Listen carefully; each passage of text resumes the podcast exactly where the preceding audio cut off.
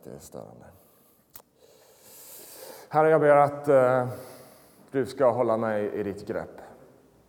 Jag ber att den här stunden, Herre, där vi ska lyssna till ditt ord förkunnat till oss,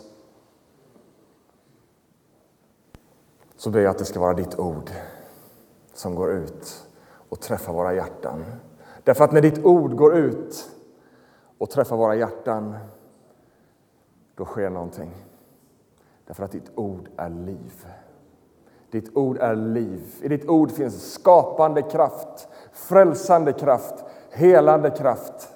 Jag tackar dig att vi ska få ta emot ditt ord rätt in i våra liv den här stunden, Herre. I Jesu Kristi namn. Amen.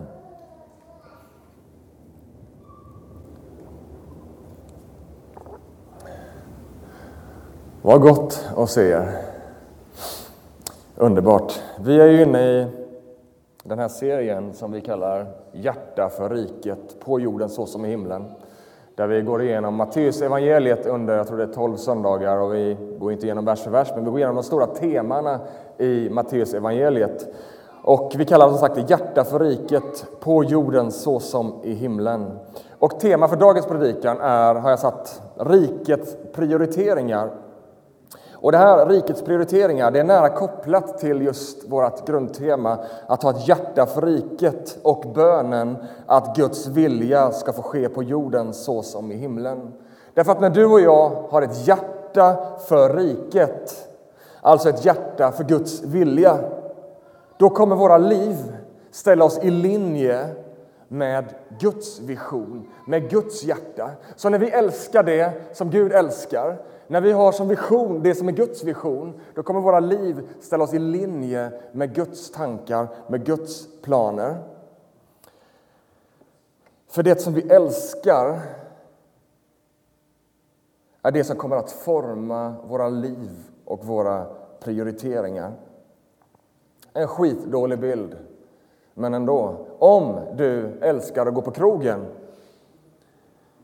då kommer det ju på något sätt påverka dina prioriteringar. Om du älskar, det är verkligen det bästa du vet, gå ut och käka krogmat och hänga med folk liksom, och ha det gött en god kväll på krogen. Då kommer det synas i dina prioriteringar. Därför att då är det så att då kommer du se till så att du faktiskt har pengar över på ditt konto så att du kan gå ut på krogen och äta god mat och ha det trevligt så ofta som möjligt, eller hur? Om du älskar, om du älskar eh, att åka på, liksom, kolla på Premier League så kommer det forma hur, du, hur det ser ut i din plånbok. För du kommer göra rum för att köpa dyra Premier League-biljetter och flygbiljetter och alltihopa för att kunna åka till England och kolla på fotboll, eller hur? Så det som vi älskar, det som vi har hjärta för, det formar våra liv och styr våra prioriteringar. Och kristen tro är i sanning en hjärtefråga, en hjärtesak. Gud är därför ute efter ditt hjärta.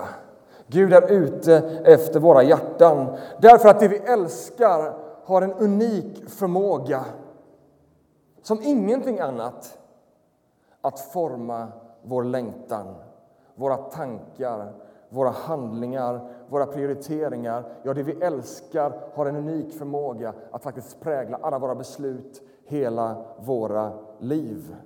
Så därför är vår första kallelse som kristna att älska Herren vår Gud av hela vårt hjärta.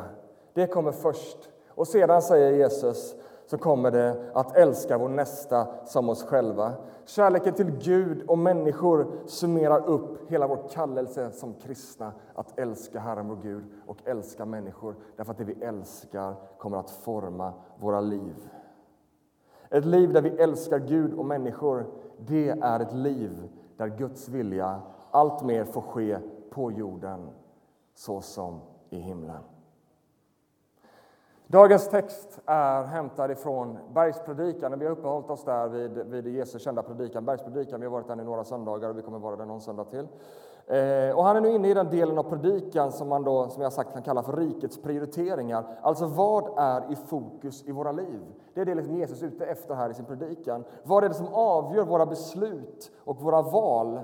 Och det är inte så i texten att Jesus liksom sätter upp en priolista. Och det är inte så att han är ute efter att vi kanske ska göra en priolista heller. Liksom en lång lista med saker som vi ska liksom, så här, liksom, det här ska vi göra och det här ska vi inte göra. Och så ska vi lära oss liksom vilken ordning som Jesus tycker vi ska prioritera, liksom varenda liten detalj. Jag tror inte, eller det är inte så Jesus håller på här i texten. Utan Jesus är snarare ute efter någonting långt mycket viktigare. Han är ute efter grundvalen, grunden för våra prioriteringar. Vad är grunden till att vi prioriterar så som vi gör i våra liv? Och goda prioriteringar i allmänhet, inte bara när det gäller det kristna livet, goda prioriteringar i allmänhet sker alltid utifrån värderingar, alltså bakomliggande värderingar och någon form av livsvision. Och I mitt profana yrke, alltså mitt icke-kyrkjobb, så hjälper, jag, så hjälper jag delvis företag just med det här med prioriteringar. Eh, och Då handlar det hela tiden om att okej, okay, vad är era värderingar? Vad är er vision? Och så kollar vi på er lista som ni har bestämt på alla saker ni ska göra. Och så, ja men det där kan du ta bort för det har ju ingenting med era vision och värderingar det där kan ni kvar. Liksom, det handlar om att synka det man gör med det som man långsiktigt vill, alltså vision och värderingar. Man har en grundval för sina prioriteringar. Utifrån det så beslutar man också vad det faktiskt är man ska göra och fokusera. Så är det också med livet med det kristna livet. Och Det är det här som Jesus adresserar här i texten. Vad är vår vision? Vad är din vision? Vad är dina värderingar som avgör hur du prioriterar i ditt liv? Och Jesus säger så här i texten. Samla inte skatter här på jorden där de förstörs av mal och mask och lätt kan bli stulna av inbrottstjuvar. Samla skatter i himlen där varken mask eller mal förstör och där de är säkra för tjuvar. För där din skatt finns, där kommer också ditt hjärta att vara. Där din skatt finns, där kommer också ditt hjärta att vara. Samla inte skatter. Det finns inget som avslöjar våra prioriteringar så väl som vårt förhållande till pengar och ägodelar.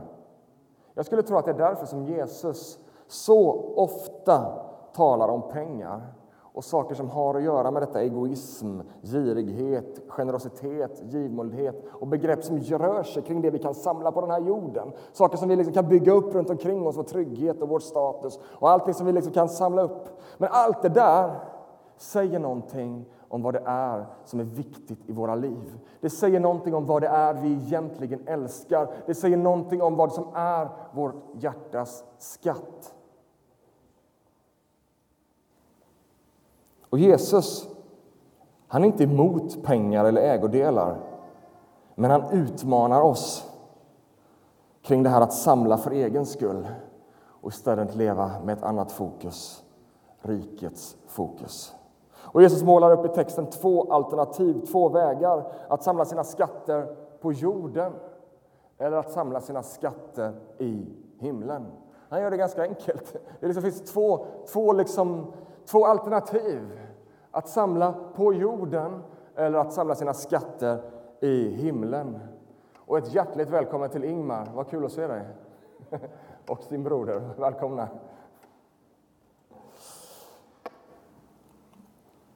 Ytterst sett säger Jesus det finns två grundvalar för våra prioriteringar.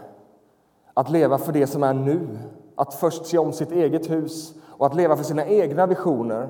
Eller att samla skatterna i himlen, alltså att leva för det som har evighetsvärde. Återigen, Jesus är inte ute efter liksom att säga att, eh, att liksom att vi inte ska bry oss om oss själva, att det är helt oväsentligt att bry oss om att vi har liksom, så att vi klarar oss. Liksom. Utan det är inte det som han adresserar här. Men snarare är Jesus ute efter vad är det som ytterst driver oss? Vad är det som ytterst avgör våra val och prioriteringar? Är det vårt anseende i denna tiden? Är det vår framgång i det här livet? Är det hur mycket jag lyckas åstadkomma i denna tiden? Är det hur stort hus jag har, eller hur vacker rabatt jag har, eller hur bilen glänser, eller är det hur mycket pengar jag har på kontot, är det hur många resor jag har gjort, eller liksom, vad är det som avgör vad som är viktigt i ditt liv? Och Jesus fördömer ingenting av det här, men han är ute efter vad är det som kommer först? Därför att i Guds rike är det fundamentalt annorlunda. Vi kommer inte ifrån det. Läser vi evangelierna, läser vi Matteus evangeliet som vi i synnerhet gör just nu, vi kommer inte ifrån att Jesus målar ett, ett liv som är radikalt annorlunda än det liv som den här världen presenterar. Det är radikalt annorlunda. Han målar en vision av ett annat liv. Och det är inte ett liv där vi kan jämka lite mellan världens prioriteringar och Guds prioriteringar. Ja, men kan jag, lite, jag, liksom, jag gör det här för Gud, så kan jag lite det här här. Om jag gör det, om jag går till kyrkan varje söndag, då kan jag nog göra det här. Och liksom, ja. Jesus utmanar hela det där tänkandet han omkullkastar det. Och Jesu tanke med Guds rike utmanar oss att inte bara ta ett liksom, andligt ställningstagande, att tro på Jesu existens. Och liksom så här, lite, nej, han kallar oss till ett helt nytt liv, livet i riket, där han får hela våra hjärtan. Ni vet, Gud delar inte din och min uppmärksamhet med någon annan eller något annat. Han säger, jag vill ha hela ditt hjärta, jag vill ha hela ditt liv, jag vill ha hela ditt fokus. Inte bara att du prioriterar lite Gud och lite andra saker. Jag vill att du prioriterar mig över allt annat. Därför att han har prioriterat dig över allt annat. Han övergav himlens härlighet och rikedom för att komma ner och ge sitt liv för oss. Han betalade med hela sitt liv och han säger den rätta responsen på det är att du ger hela ditt hjärta tillbaka till mig.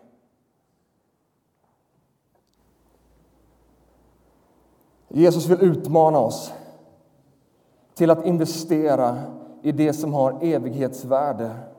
Alltså det som är viktigt ur ett evighetsperspektiv. Det som vi kan ha med oss in i Guds eviga rike. Och som vi redan har citerat Matteus 22 så summerar Jesus vår kallelse i att älska honom av hela våra hjärtan. Sen kan ni älska den nästa också. Gör ni det så uppfyller ni allt vad jag har kallat er till. Det kan vi ta med oss in i himmelriket. Det är att investera i Guds rike, i det eviga riket. Kärleken till Gud uttryckt i en längtan efter helighet och rättfärdighet. Att leva ett liv till hans ära. Kärleken till människor, små handlingar av kärlek. Kanske viktigast av allt, vårt vittnesbörd som gör att människor finner tro och växer tro. Ni vet, människor kan vi också ta med oss in i himmelriket. Människor som har funnit tro genom våra liv, genom vårt vittnesbörd. Det är en fantastisk investering som har evighetsvärde bortom all jämförelse.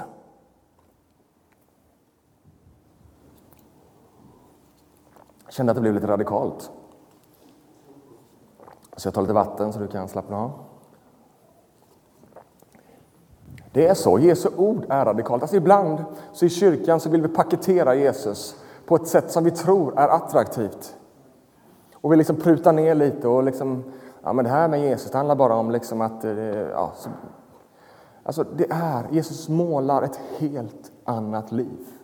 Och det har, jag måste säga att för mig, jag, ni kanske tycker, ni som har varit här och lyssnat på mig de senaste tre söndagarna, jag pratar lite om samma sak hela tiden. Men jag tror att det har gripit mitt hjärta. Att det är ett radikalt annat liv och vi som kristna måste inse det. Vi kan inte liksom vara som alla andra också, jag är lite kristen också. Gud kallar oss som hans kyrka att vara ett heligt folk, ett prästerskap som förkunnar Guds väldiga gärningar genom ord och handling, genom hjärtan som har blivit tända för Kristus. Jesus fortsätter i sin predikan i texten som vi har läst med kanske en något mer svårtolkad passage, åtminstone vid en första anblick. Och han börjar tala om ett friskt och ett sjukt öga. Och Det står så här att ögat är kroppens lampa. Om ditt öga är friskt så får hela din kropp ljus. Men om ditt öga är dåligt så blir det mörkt i hela din kropp. Om det ljus du tror dig ha i själva verket är mörker, då är ditt mörker verkligen nattsvart. Vad pratar Jesus om i de här verserna?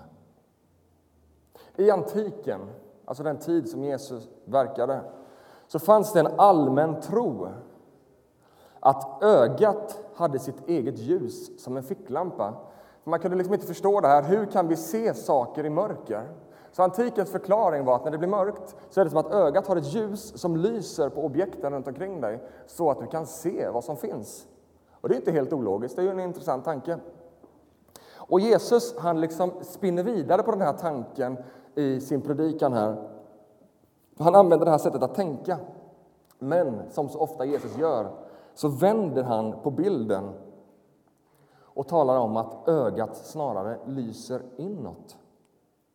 Alltså en ficklampa som lyser inåt och avslöjar vad som finns på insidan. Så istället för att vårt öga lyser på olika saker så använder han bilden för att han vänder på det. Liksom att det finns som en ficklampa, som ett, de visste inte vad ficklampa var, men ni fattar grejen. Som ett ljus som lyser in i vårt hjärta för att visa vad som finns i vårt hjärta, våra tankar, vår längtan, våra val, våra prioriteringar. Ett ljus som lyser och hjälper oss att se vad vi, har i vårt hjärtas innersta är, det, är vår hjärtas skatt det jordiska eller det himmelska?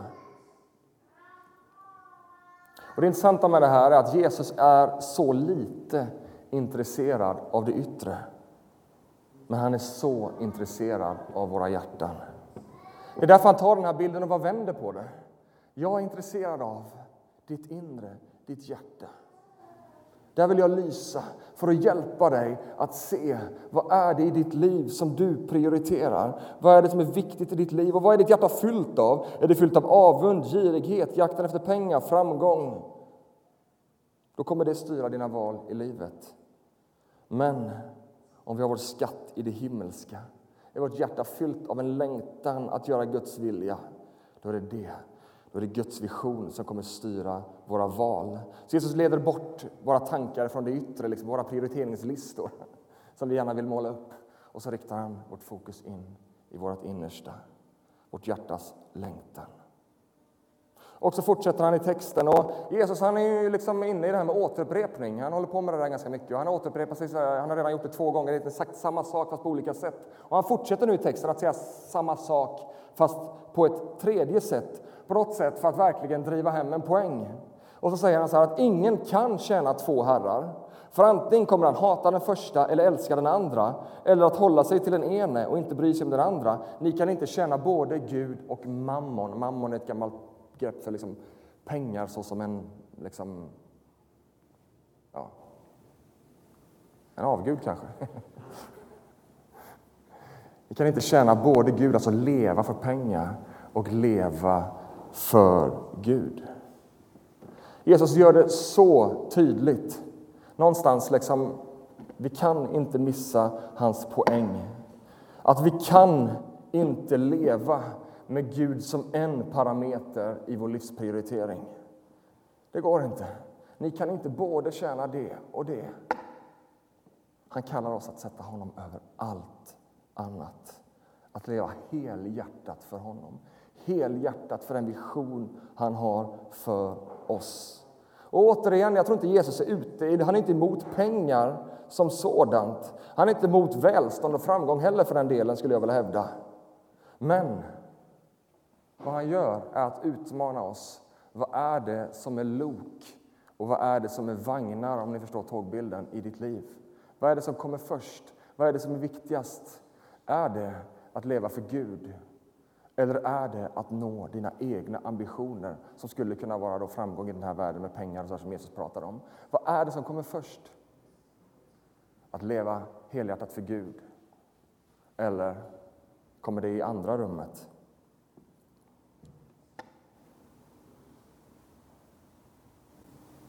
Och Det är det som blir så utmanande också i vår tid inom vad jag brukar kalla för populärkristendom eller populärkyrkor.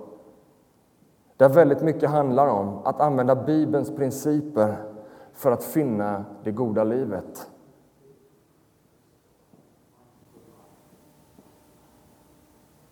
Det stora problemet med det är inte det goda livet.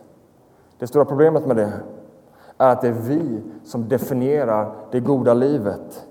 Och sen använder vi Bibelns principer som en form av språngbräda för att förverkliga våra visioner, våra drömmar. Gud vill ge dig det, Gud vill ge dig the awesome life now. Och Gud vill liksom, ja. Är du säker på det? Ett bekymmersfritt liv, ekonomiskt välstånd, undvika motstånd och förföljelse. Det är liksom någonting som populärkyrkan och liksom jag tror kyrkan i väst på något sätt präglad av. Men du finner väldigt lite av den typen av terminologi när du läser evangelierna. Och vi sätter på något sätt vår vision om det goda livet. Vi gör det till lok. Vi gör det liksom, sen så får Jesu ord komma som vagnar efter och följa efter om det passar vår livsvision. Men då säger Jesus så här. Så kan det inte vara ibland er. Ni kan inte tjäna både Gud och era själviska motiv. Det går inte. Och det är sant att Gud målar visionen om det goda livet. Att Bibeln liksom uppmuntrar oss att Gud vill ge oss ett blomstrande liv. Han vill ge oss ett liv där vi är tillfredsställda. En vision om det goda livet. Det gör Bibeln. Men, skillnaden är att Gud målar inte bara liksom en bild av att han vill ge oss det goda livet. Bibeln målar också en vision av vad det goda livet innebär. Och det blir väldigt stor skillnad. Gud vill ge dig det goda livet som han har uppenbarat i sitt ord.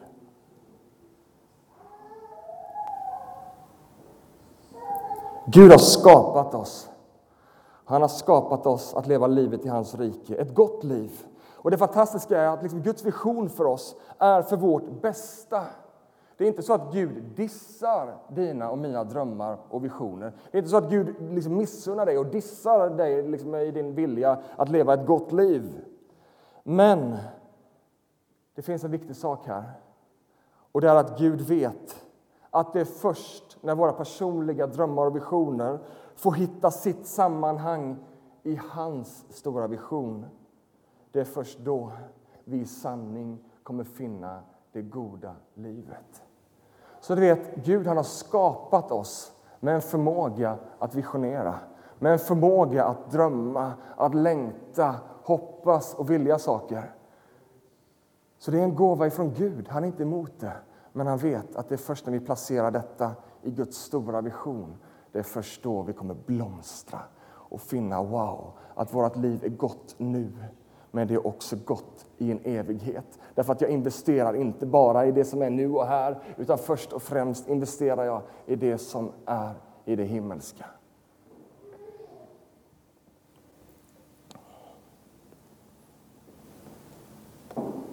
Då inte bara kan Gud använda våra drömmar och visioner, han kommer att använda våra drömmar och visioner när vi sätter dem i hans stora vision.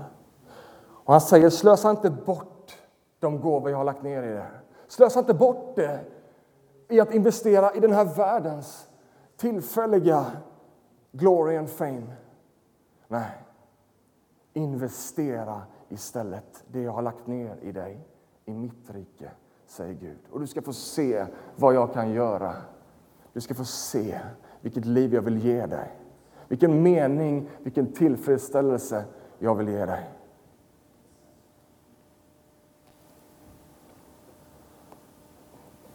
Hela livet, ditt jobb, dina intressen, dina förmågor. Placera allt det i Guds stora vision. Och jag tror på något sätt, för att det här ska bli en möjlig tanke för dig, så behöver vi få en rätt gudsbild. Vi behöver förstå att Gud är en god far. Att hans bud är inte krav för att han gillar när vi har det jobbigt. Nej, vi behöver förstå att han är en god far och att hans bud och hans vision för oss är för vårt goda. Som en god fader, som en god moder, så visar han på livets väg, den väg på vilken vi kan blomstra.